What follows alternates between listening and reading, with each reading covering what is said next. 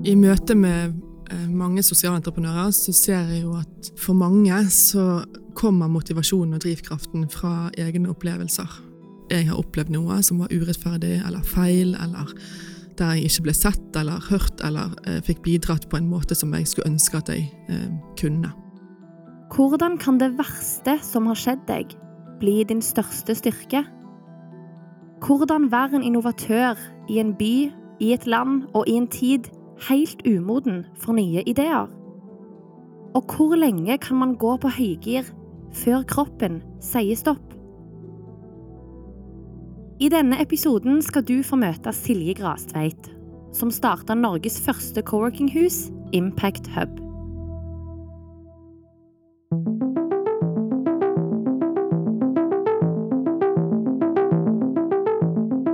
Du hører på Tech, håp og kjærlighet.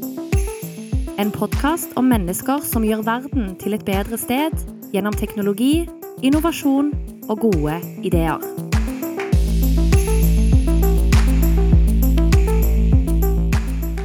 Jeg er enebarn og vokste opp eh, på Nordås og på Os med to foreldre og en hund. Og så har jeg to foreldre som er sosionomer, så der har jeg fått inn med blodet å tenke sosialt og jobbe med mennesker og ja.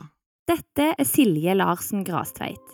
En dame fra Bergen som fra barnsben av ble inspirert til å kjempe for sosial rettferdighet. I dag driver hun Impact Hub, et coworking-hus som har blitt arbeidsplassen til over 70 mennesker som jobber for å gjøre verden til et bedre sted. Men det har tatt Silje lang tid å realisere gründerdrømmen. Silje flytta hjemmefra som 16-åring. Senere ble hun grafisk designer og tok en lederutdanning som kaospilot i Danmark. Hun bodde litt på Cuba, litt i Chicago, og reiste mye i ulike land i Afrika. Gjennom disse reisene har Silje møtt på store kontraster og sosiale forskjeller. Og ikke minst har hun truffet mennesker som har vekka et samfunnsengasjement. Dette gjelder spesielt en dame i Chicago, Bliss Brown. Hun er egentlig en prest og en corporate banker. Hun har jobbet internasjonalt med bankvesen. Eh, og så bestemte hun seg en dag for å eh, starte Imagine Chicago, som da ble til etter hvert en global bevegelse. Eh, så jeg fikk gleden av å jobbe med hun over flere måneder og bo i hennes hjem. Og jobbet med en bok der jeg fikk plukke hjernen hennes for gode tanker om sosial innovasjon. Eh, og for min del har det vært veldig veldig inspirerende. Så jeg tror kanskje det var litt der at jeg sådde en sånn tanke i meg om at kanskje ikke er det eh, en fast jobb jeg skal ha, men kanskje skal jeg tenke på å starte noe for meg sjøl. Silje lærer mye om sosial innovasjon, som handler om å utvikle løsninger og forretningsmodeller, hvor forbedringer i samfunnet anses som viktigere enn kommersielle resultater i seg sjøl. Etter flere år i utlandet kommer Silje i 2006 hjem til Bergen, full av inspirasjon. Hun har lyst til å skape et sted, et co-working-hus, der flere mennesker kan komme sammen for å jobbe med sosial innovasjon. Men folk i Bergen er ikke like mottakelige for dette konseptet. Det var ikke kjent i det hele tatt, og jeg hadde heller ikke noe begrep for det, så jeg visste ikke hva jeg skulle kalle det. Min opplevelse da jeg kom tilbake til Bergen, det var veldig at her eh, er det litt konservativt, litt bakstreversk. Silje opplevde raskt at det var liten kunnskap om og forståelse for det hun drømte om. Ingen kjente til begrepene sosialt entreprenørskap eller co-working. Folk kunne heller ikke forstå hvordan det skulle være innovasjon å hente i sosiale utfordringer. Men Silje er gira og besluttsom, og setter i gang arbeidet. Det ble en lang prosess. På tross av motstanden har Silje store ambisjoner for stedet hun vil bygge. Noen av ideene er kanskje litt vel ambisiøse. Og Den første den var veldig hårete. Det var en sånn jeg skal bygge en glasskule med regnskog inni. Det var voldsomt. Silje legger fra seg denne ideen. En dag oppsøker hun et nabolag i Bergen, Damsgårdsundet. Et forlatt område som består av flere tomme fabrikklokaler. Så da fant jeg en gammel fabrikk som jeg tok meg inn i på en søndag, og fant noen svære haller og tenkte her skal det være, nå skal, det, nå skal jeg bygge dette stedet. Brøy du deg inn, liksom? I fabrikken? Eh, ja. det er ganske badass. Silje går i gang. men det er mye hun må finne ut av. For jeg kunne f.eks. ingenting om økonomi, så jeg visste ikke hva ting kostet omtrent, eller hvordan jeg skulle planlegge i forhold til det. Eh, og det har jeg måttet lære på en veldig, veldig bratt læringskurve. Jeg jobbet i eh, nesten to år med hele forretningsutviklingen og planleggingen og sånn før vi kunne åpne dørene. Hvordan, kan jeg spørre, Hva levde du på i de to årene her, da? Ja, godt spørsmål. Jeg levde på lån. Ja, jeg gjorde det. Jeg hadde ikke noe lønn i mange år. Etter to år med hardt arbeid kunne Silje endelig åpne dørene. Så vi hadde en stor fest i september 2011 med 250 gjester, så vi måtte flytte hele greien ut i bakgården. Det er altså ikke nødvendigvis noen takknemlig oppgave å være tidlig ute. I dag derimot er coworking blitt en trend, og det eksploderer med nye coworkinghus over hele landet. Visjonen til Silje var å bygge en møteplass som samla folk på tvers av bakgrunn, yrke, kultur og alder, rundt felles prosjekter som kunne bidra til en positiv og bærekraftig utvikling. Og så tror jeg at samfunnsendring som vi står overfor, Sånn, på den øverste visjonen er jo å bidra til en bedre verden. Eh, og da har vi jo fått FN sine bærekraftsmål nå, som er en veldig god hjelp, og som gir retning til veldig mange virksomheter i form av det bærekraftsarbeidet som vi er nødt for å gjøre for å eh, gå i en retning som ja, er bra for kloden og bra for mennesker. Når man hører ordet bærekraft, er det mange som tenker på klima. Men når Silje snakker om bærekraft, refererer hun til businessbegrepet trippel bunnlinje. Et firma har en trippel bunnlinje gjennom å ha en bedrift som er både miljømessig, men òg sosialt og økonomisk bærekraftig. Det handler altså om å skape en forretningsmodell som tjener penger, samtidig som den bidrar positivt til samfunnet. Silje er fremdeles ansatt hos og gründer av sitt eget prosjekt Impact Hub. Et gründerhus for sosial innovasjon. En jobb som både er og har vært altoppslukende, på godt og vondt.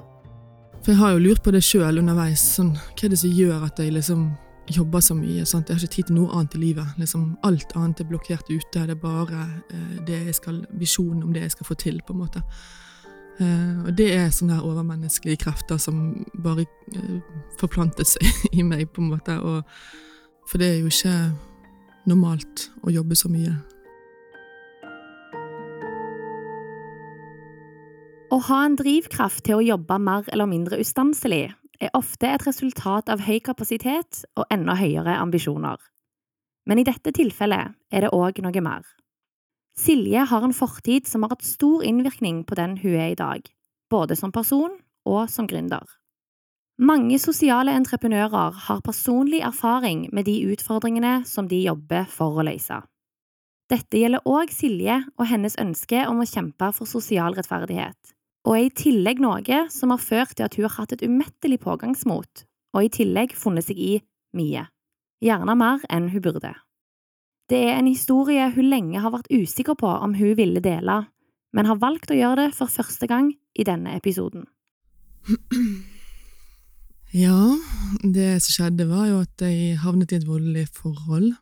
Så jeg var ganske ung, jeg var 16 år, og så forelsket jeg meg i en fyr og etter en liten stund så begynte jeg vel å skjønne at han hadde store utfordringer, men eh, når man er forelsket i noen, så eh, gjør man seg sjøl litt blind for de negative sidene. Eh, så han var jo paranoid, og han var sykelig sjalu og hadde vrangforestillinger. Eh, og så tok det meg veldig lang tid før jeg skjønte at dette her var noe som var vold i det hele tatt. da. For det er på en måte en sånn snikende normalisering som skjer. At du Det skjer litt etter litt, og så skjønner man at ok, eh, dette er ikke bra, men jeg vet ikke hvordan jeg skal komme ut av det heller. Forholdet varte i over fire år. Tre av de innebefatter vold. Flere studier viser at gjentatt vold over tid gjør at en sakte, men sikkert mister kontakten med seg sjøl. Paradoksalt nok er det ofte voldsutøveren som har makten til å definere når det er trygt eller farlig. Den voldsutsatte vil derfor begynne å kopiere tankesettet til voldsutøveren. Det som kan være grådig vanskelig å forstå eh, for folk, det er jo den biten med eh, Hvorfor går man ikke bare? Man tenker jo at hvis noen er så stygg med en, så er jo det bare til å gjøre det slutt og komme seg ut av det og forlate personen. Eh, men det er veldig, veldig vanskelig, fordi det er så utrolig mange psykologiske bindinger som ligger fast i et voldsforhold. Og med den gradvise nedbyggingen av selvverdet, du begynner å klandre deg sjøl, du tror at det er deg det er noe galt med, og at du er skyld i at det som skjer, skjer. Eh, det er ene siden av det. Og det andre er jo at eh, det er faktisk veldig farlig å gå. All forskning viser at hvis du er i alvorlige voldsforhold, så er det i det man går ut av det, at flest drap skjer. Til slutt eskalerte det så voldsomt at Silje frykta for sitt eget liv og tok affære. Den måten det ble avsluttet på for min del, det var en veldig voldelig natt der jeg var veldig redd og prøvde å kontakte eh, folk på utsiden. Eh, og fikk kontakt med mine foreldre, eh, så de kom da og hentet meg. Og etter det, da sank det på en måte inn alvoret. Sånn at jeg klarte å på en måte si ok, nå må det stoppe, liksom. Nå må noe skje. Og så klarte jeg å bryte kontakten derfra. Så når jeg kom ut av det, så var jeg bare veldig tynn. Veldig forvirret i forhold til hvem jeg var, og hvor jeg, hvordan jeg skulle komme videre, eller hva som hadde skjedd. Silje fikk brutt kontakten med samboeren, men hadde òg mista litt av seg sjøl på veien. Men i stedet for å konfrontere det hun hadde vært gjennom, gira hun opp i et veldig høyt tempo, og brukte studier og jobb for å få tilbake mestringen på livet.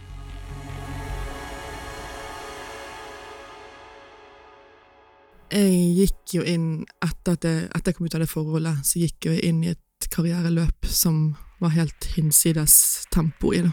Uh, så jeg jobbet liksom for tre personer i perioder. Og folk rundt meg kommenterte på det og sa sånn Hva du holder på med? Altså, du kommer til å brekke nakken til slutt. Men det som skjedde, var jo Altså, man får på en måte noen urkrefter, nesten. Uh, og det handler jo Det kommer egentlig fra sånn overlevelsesinstinkt. Sånn at man har behov for å motbevise noe, eller skape en motkraft til den ydmykelsen eller den volden man har vært utsatt for. Uh, og for min del så ble det veldig naturlig da å tenke jeg skal jobbe med mennesker, jeg skal jobbe med de som faller utenfor. Jeg skal hjelpe initiativer i gang som bidrar til positive ting for folk som er i utsatte grupper. Altså, ja. Men det resulterte jo i at jeg jobbet meg nesten i hjel. Altså jeg bare kjørte på i så mange år. All denne intensive jobbingen resulterte i at kroppen til Silje til slutt sa stopp. For min del så var det det som skjedde, at jeg eh, var helt tappet for krefter. og tenkte sånn, Hva er det nå? Er jeg liksom Utmattelsessyndrom, eller hva som foregår? Jeg kjente meg ikke igjen, for jeg har jo normalt sett veldig mye energi og er vant til å dure på. Og da ble jeg redd, og så stoppet jeg opp. Så sa jeg fra om at nå må jeg faktisk sykemelde meg, og det har jeg aldri gjort i hele mitt liv. Eh, mens legen min jublet nesten, fordi de hadde reist varselflagg en stund og sagt at du jobber så mye og du er så stresset, så du må ta grep om helsen din. Når jeg sykemeldte meg, så blir jo det et sånn enormt tomrom, eller stillhet. Og jeg hadde virkelig ikke noe bevisst forhold til at jeg hadde brukt jobben som en fluktstrategi.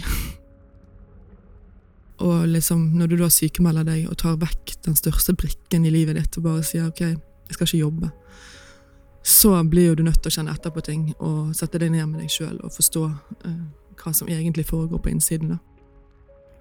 Silje fant ut at hun måtte konfrontere og bearbeide det hun hadde undertrykt i alle disse årene. Hun starta med å gå gjennom denne prosessen på egen hånd. Jeg ble nødt til å bare lese og forstå, for det er sånn kontrollbehov. Sant? At sånn, jeg må bare skjønne hva som skjer med meg, eh, og det måtte jeg finne i bøkene. Ja, så det var den forståelsesbiten, men, du, men så er det det med at du kan faktisk ikke tenke deg ut av, eller forstå deg ut av utfordringer som ligger emosjonelt. Så jeg har sydd sammen et stort team rundt meg sjøl. Eh, det har jeg gjort på egen hånd, fordi det er jammen ikke sånn at du, du, bare går til legen, og så kommer det hjelp på, en, eh, på et sølvfat. Så jeg hadde fra før av hadde gjort ett forsøk med en psykolog, og hun var helt feil for meg, så hun gjorde at jeg lukket den døren og gikk uten behandling i fire år. Eh, fordi at jeg tenkte det funker ikke. Men så, når jeg sykemeldte meg, så skjønte jeg ok, nå er jeg nødt til å ta tak i det ordentlig. Eh, så da eh, mobiliserte jeg et team med en eh, psykomotorisk fysioterapeut som kunne jobbe med kroppen, massør som kunne jobbe med muskulatur og få meg ned igjen fra hodet og inn i kroppen igjen, og psykolog som kunne ta meg tilbake og jobbe gradvis gjennom på en måte de minnene som var gjemt vekk. da. Eh, det tror jeg er noe av det vanskeligste jeg har gjort, men absolutt det beste jeg har gjort også. Silje sine opplevelser har gjort at hun i dag leser mennesker på en bedre måte. Hun har òg fått et veldig bevisst forhold til hvem hun ønsker å hjelpe, noe som gjør at hun i størst mulig grad omgir seg med mennesker som deler hennes verdier. En av disse verdiene er å fremme psykisk helse. Jeg tror veldig mange mennesker går rundt med ubearbeidet eh, skit i bagasjen da, og ikke har orket å se på det eller ta tak i det, eller ikke har et bevisst forhold til at det er der. Og så, hvis man tar den jobben det er med å dykke ned i seg sjøl og forstå tingene på ordentlig måte, og orker å føle på det, eh, så kan livskvaliteten bli en helt annen. Og man kan få en veldig større, mye større innsikt i, i seg sjøl og i mennesker generelt. Så det er blitt en sånn eh, egen drivkraft etter hvert. Altså, det er veldig meningsfylt å jobbe med psykisk helse, for jeg kjenner bare det er så lite åpenhet, det er så mye tabu, så mye stigma. Så utrolig lav kunnskap der ute, eh, mange steder. Sant? Eh, og der må det skje noe, liksom. I tillegg til å være en møteplass, har Impact Hub flere arrangementer og programmer som medlemmer av Impact Hub og andre kan være en del av. Et av disse programmene, som òg er støtta av Kavlifondet, kalles Impact Challenge. Her møter sosiale entreprenører for å utveksle og utvikle ideer. Fokusområdet under Impact Challenge de siste årene har vært psykisk helse. Ifølge Silje er dette et felt med stort potensial for nye løsninger og innovasjon. Både i form av nye tjenester, forbedring av funksjoner mellom eksisterende tjenester og større åpenhet. Et av prosjektene som har vært med i Impact Challenge-programmet, er LifeKeys. En online psykologtjeneste og et godt eksempel på hvordan teknologi kan tilgjengeliggjøre tjenester, sånn at man kan fange opp de med høy terskel for å oppsøke et psykologkontor.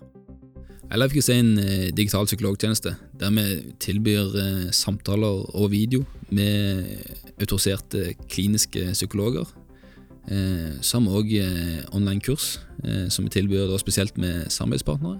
Erik Hellestøl, som er han vi hører prate her, starta Lifekeys i 2017 sammen med kollega Gudmundur Ebenezer. Ja, Vi møttes eh, gjennom innovasjonsmiljøet i Bergen, egentlig, sommeren 2017. så hadde vi flere veldig gode lunsjer og mye gode diskusjoner om psykisk helse, og, og med hvordan dette kan, kan kommersialiseres eller bli til en bedrift som, som er bærekraftig. Og derfra fant vi ut at dette er noe vi skal satse på sammen. Eriks kollega Gudmundur er altså psykolog, og har sjøl opplevd frustrasjon i den offentlige psykologtjenesten. Ja, det var vel at eh, Samtidig som han jobba i, eh, i, sin vanlige jobb i det offentlige, så så, så han et behov for, eh, for, en mulighet til å senke terskelen og gjøre det enklere å komme i kontakt med psykologen.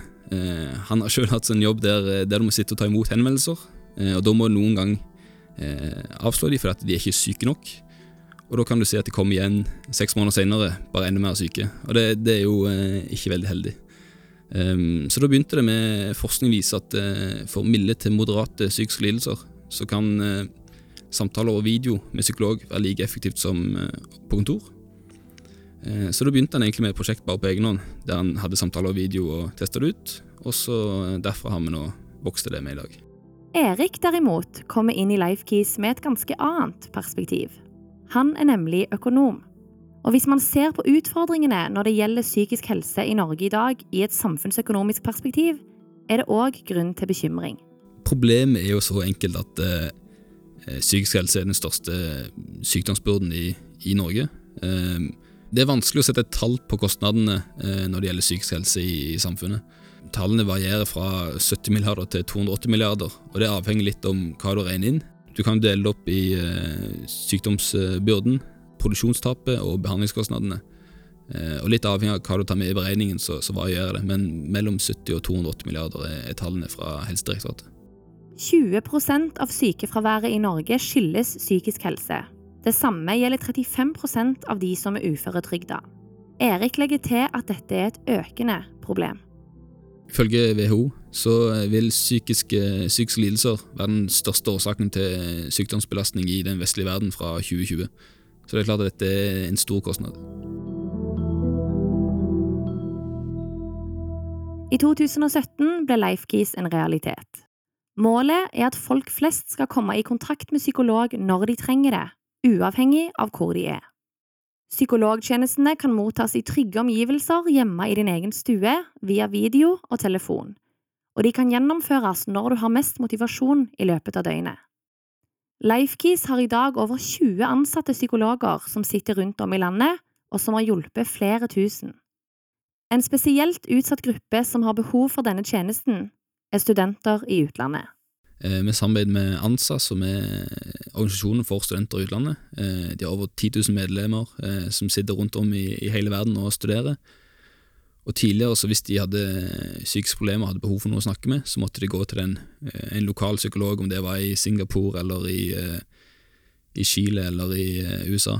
Men gjennom det samarbeidet vi har med de, så kan de nå snakke med norske psykologer, egentlig uavhengig av hvor de er i verden, over video.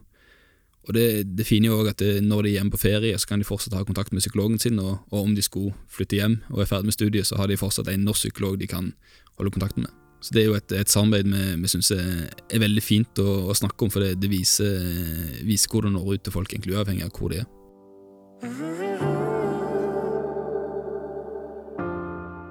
Ja, jeg tenker bare folk må virkelig, virkelig ikke være redd for å grave i seg sjøl og finne ut av ting man har slitt med, hva, samme hva det er for noe. Sant? For det er så vanlig, og det er så menneskelig. Ehm, det er veldig, veldig feil at ehm, det er så mye stigma rundt det, eller så lite åpenhet rundt det. da.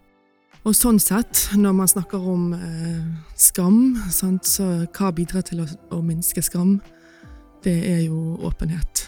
For det at hemmelighold, det gjør at skam blomstrer. Så med teknologi, eh, og det vi på en måte ser med de verktøyene som vi har i dag, da, der man kan spre åpenhet og kunnskap på en annen måte, så kan man jo få veldig mye fint til å skje.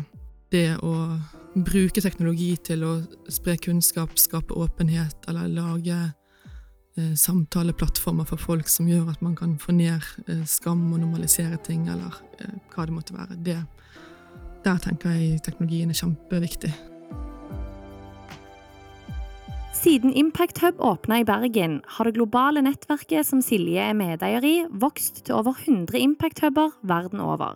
Og nettverket har i dag over 16 000 medlemmer som jobber med sosial innovasjon. Gjennom teknologi deler Impact Hub informasjon, verktøy og best practice. De har webinarer og conference calls for oppdateringer eller mer strategiske diskusjoner. I tillegg har de en community-app der medlemmer kan finne andre medlemmer verden over. Og på den måten åpner teknologien opp for samarbeidsrelasjoner på tvers av landegrenser. Og Silje opplever at det er en stadig økning av sosiale entreprenører. I møte med eh, mange sosiale entreprenører så ser jeg jo at eh, for mange så kommer motivasjonen og drivkraften fra egne opplevelser. Jeg har opplevd noe som var urettferdig eller feil, eller der jeg ikke ble sett eller hørt eller eh, fikk bidratt på en måte som jeg skulle ønske at jeg eh, kunne. Og det gir en helt en unik fremdrift, eller en, eh, en, drivkraft som man kanskje ikke kan sammenligne med så mye annet, fordi at du har den indre eh, driven som bringer deg fremover. Og det har det også vært for min del, men eh, det er bare veldig viktig, syns jeg, å, å, ha med seg at det kommer veldig ofte fra et veldig genuint sted, et veldig ekte sted. Sant? Og sosiale entreprenører har gjerne derfor ikke heller den Altså, det er ikke økonomien alltid som er driveren. Sant? Det er mer den hvordan kan jeg få til en samfunnseffekt der tingene blir bedre for folk, så ikke de må oppleve det samme som jeg har opplevd, eller eh, havner i den samme situasjonen, og hvordan kan jeg gjøre noe med det? Silje bruker fortsatt mye tid på jobb. men i dag klarer hun å balansere sitt brennende engasjement med en sunn livsstil.